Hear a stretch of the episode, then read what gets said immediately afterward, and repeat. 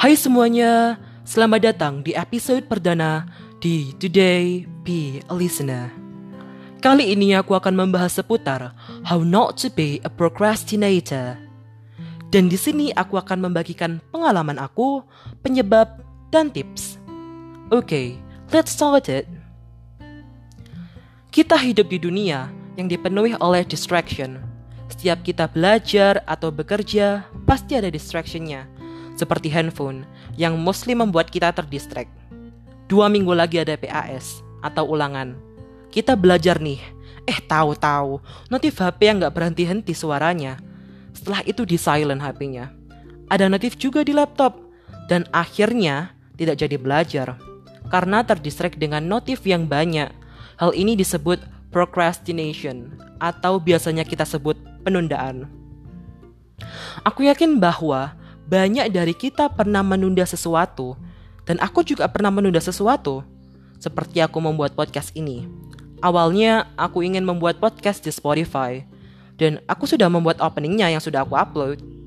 Satu minggu kemudian, aku post nih, poster coming soon episode 1 yang di sana dikatakan satu bulan lagi. Setiap kali aku ingin membuat podcast episode 1, aku selalu menunda dan tidak terschedule dengan baik. Jadi aku tunda, tunda, tunda, dan tunda. Sampai akhirnya, temanku berkata, Aku sudah dua bulan menunggu podcast episode 1 kamu. Pada akhirnya, aku menendang diri aku sendiri. Aku menyesali waktu yang terbuang percuma karena tenggat waktu yang semakin dekat. Waktu habis dan peluang hilang begitu saja dan menunda keputusan penting dalam hidup seperti membuat komitmen yang serius, kembali ke sekolah, atau akhirnya mengubah jalur karir. Dapat menyebabkan berjalan selama bertahun-tahun dan tidak ada yang berubah, serta tujuan kamu tidak akan tercapai. Para procrastinator biasanya akan melontarkan kalimat, "Aku akan merasa lebih senang jika melakukan ini besok," atau "Saya bekerja paling baik saat berada di bawah tekanan."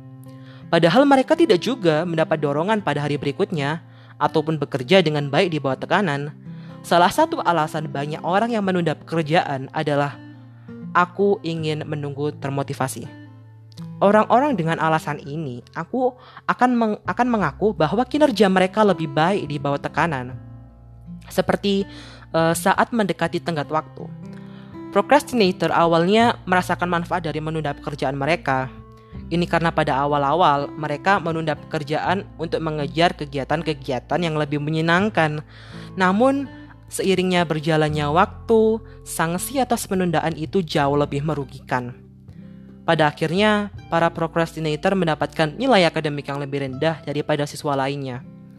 Selain itu, mereka juga mendapatkan jumlah stres yang lebih tinggi. Menurut aku, The biggest cause of procrastination is the task is not urgent.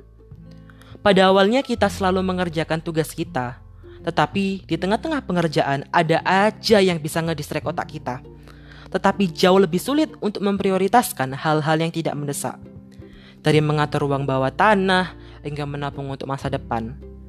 Kita semua memiliki hal-hal yang tidak pernah kita lakukan, Akibatnya, tugas-tugas besar dan kecil terabaikan di bagian bawah daftar pekerjaan selama berbulan-bulan, jika tidak bertahun-tahun.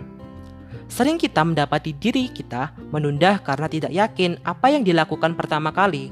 Biasanya merasa kewalahan, bingung, atau tidak teratur. Oke, tenang saja. Di sini aku akan memberikan 5 tips untuk menghindari procrastination. First, Keep the goals simple and easy to achieve. Jadi biasanya kita kalau menunda sesuatu karena tugas yang banyak. Oleh karena itu, kita harus bisa menetapkan tujuan yang sederhana yang sekiranya bisa kamu capai dan jangan langsung mengarah ke tujuan yang besar dan tidak jelas. Seperti kamu mengatakan, aku akan mempelajari bab 7 biologi malam ini. Lah, ini kan membuat kamu tahu aktivitas yang nanti kamu lakukan and not confused untuk melakukan awal dari aktivitas tersebut. Kalian bisa create goals mode di notebook or application. Second, buat schedule or timeline. Setelah bangun tidur nih, kalian bisa buat schedule untuk hari ini agar kalian bisa mudah melakukan aktivitas sehari-hari. Ini bisa berupa jadwal belajar untuk ujian besar kamu yang akan datang. Seperti misal, pada hari Selasa saya akan mempelajari bab 5 fisika.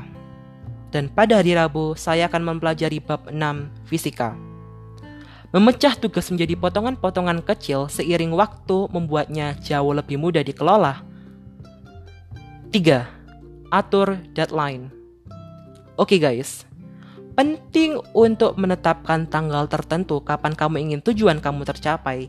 Jika kamu memiliki tugas yang harus diselesaikan, usahakan untuk menyelesaikan satu atau dua hari sebelumnya. Or better than that day. Personally, aku lebih mengusahakan mengerjakan tugas di hari itu sendiri. Karena setelah mengerjakan, besok aku bisa melakukan aktivitas yang rileks atau belajar. Many people get trapped in the cycle of Suatu hari nanti, aku akan mengerjakan tugas membuat artikel kardiovaskular, or I will get a physics homework eventually. Kebenaran yang ada hanyalah pada akhirnya, dan suatu hari nanti, yang tidak akan pernah datang, itu adalah sebuah ucapan yang membuat kita malas. I think it will be better kamu tulis di notebook mu deadline tugas-tugas atau tempelkan di meja belajar kamu agar kamu tetap ingat apa hutang-hutang kamu yang belum terbayarkan. Fourth, keep away from distraction. Di sini kalian harus bisa tersingkirkan dari hal yang membuat kalian terganggu menyingkirkan semua potensi gangguan sebelum kamu mulai belajar atau bekerja sehingga kamu tidak tersimpangkan di tengah-tengah tugas kamu. Jika kamu cenderung menghabiskan terlalu banyak waktu di Snapchat, Instagram, Twitter, Facebook, or other, saat kamu be harus belajar, maka matikan HP kamu. Misalnya kalau ada gangguan dari sumber eksternal, seperti di rumah kalian ada adik yang mengganggu, ada adik yang mengganggu, atau ada banyak tamu, dan kalian ingin belajar dengan fokus, lebih baik mengubah lingkungan belajar kalian, seperti pergi ke perpustakaan atau mendengar musik klasik, murotal, untuk meredam obrolan terus-menerus. Mereka jika kita pikiran kita bisa fokus. 5. Take a break so. This is one is very important and you must do it. Sangatlah penting untuk meng mengambil nafas di setelah belajar. Saat kalian start belajar, kalian timer beberapa menit atau jam. Uh, kalian belajar setelah itu. Kalian set timer untuk break kalian. Bisa set timer breaknya boleh 5 menit sampai 30 menit. Ya, maksimum 30 menit lah. Karena di atas 30 menit nanti malah semakin malas dan akan timbul procrastination yang kalian bisa kalian bisa tuh melakukan stretching, drink some coffee, play music or play a game. Anything that takes your mind off work and allows you to relax. Okay, that's all. Thank you yang sudah ngedengerin podcast aku. Kalian bisa share podcast ini ke teman-teman kalian agar bisa menambah ilmu juga. Kalian bisa kirim pertanyaan di Instagram DM yang nantinya insya Allah aku akan jawab di episode selanjutnya. Oke, okay, goodbye.